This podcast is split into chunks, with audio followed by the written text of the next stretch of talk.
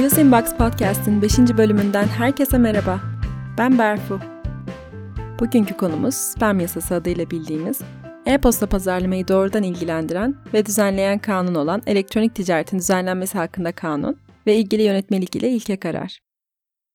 Türkiye'de 6563 sayılı elektronik ticaretin düzenlenmesi hakkında kanun ve bu kanuna istinaden yayımlanan ticari iletişim ve ticari elektronik iletiler hakkında yönetmeliğe ilaveten 1 Kasım 2018'de Kişisel Verileri Koruma Kurulu tarafından resmi gazetede yayınlanan ilke kararla birlikte konuyu ilgilendiren yasalar güncel haline almış oldu. Kanunla uyumlu gönderimler yapmak için nelere dikkat etmemiz gerekeceğini konuşacağımız bu yayının hukuki tavsiye olarak alınmaması gerektiğini önceden belirtelim.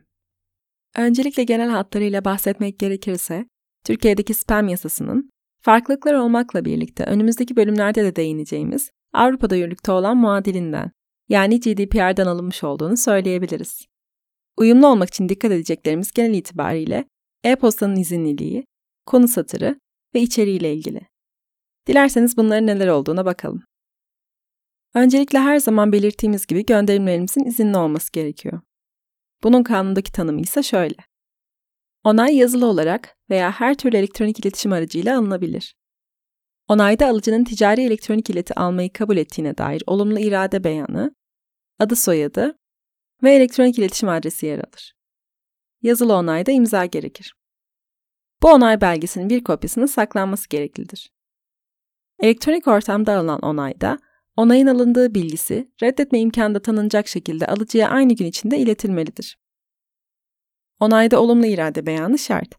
Yani burada opt-in dediğimiz sistem devreye giriyor. Bu da abonelik formunda elektronik ileti alma kutucuğunun önceden seçili olmaması anlamına gelir. Aynı zamanda sunduğunuz mal veya hizmetin ön şartı olarak da sunulmamalı. Devam eden abonelik, üyelik veya ortaklık durumuyla tahsilat, borç hatırlatma, bilgi güncelleme, satın alma ve teslimat ve benzeri durumlara ilişkin bildirimleri içeren iletilerde mal veya hizmet özendirilmesi veya tanıtımı yapılmadığı sürece önceden onay alma zorunluluğu aranmıyor. Aynı zamanda kanunun yürürlüğe girdiği 1 Mayıs 2015 tarihinden önce toplamış olduğunuz iletişim bilgileri de izinli kategorisinde. Son olarak esnaf ve tacir alıcıları da izin alınma istisnaları arasında. E-postanın konu satırı ile ilgili bölümde dikkat etmemiz gereken, e-postanın niteliğinin içeriğinden açık bir biçimde anlaşılmadığı durumda, tanıtım, kampanya veya bilgilendirme gibi niteliği belirleyici bir ibareye yer verilmesi gerekliliği. Örneğin indirim ve hediye gibi promosyon iletilerinde konu satırında bunu açıkça belirtmeliyiz. E-postanın içeriğine geldiğimizde öncelikle red hakkının alıcıya tanınması geliyor. Kanunda red bildirimi gönderine ulaştıktan sonra 3 iş günü içerisinde alıcının iletişim adresi çıkarılmalı ifadesine yer verilerek Inbox gibi bir aracı firma ile çalıştığınız durumlarda zaman sıkıntısı yaşamamanız hedeflenmiş.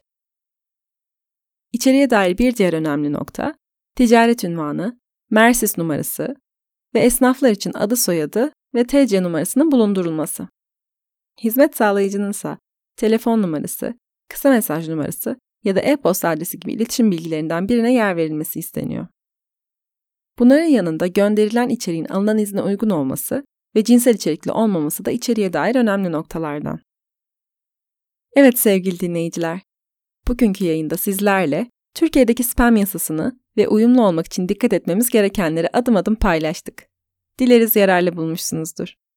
Bir sonraki bölümde Türkiye'deki yasalarla devam ediyor ve kişisel verilerin korunması kanununu ele alıyor olacağız. Bizi takip etmeye devam edin ve tekrar görüşünceye dek hoşçakalın.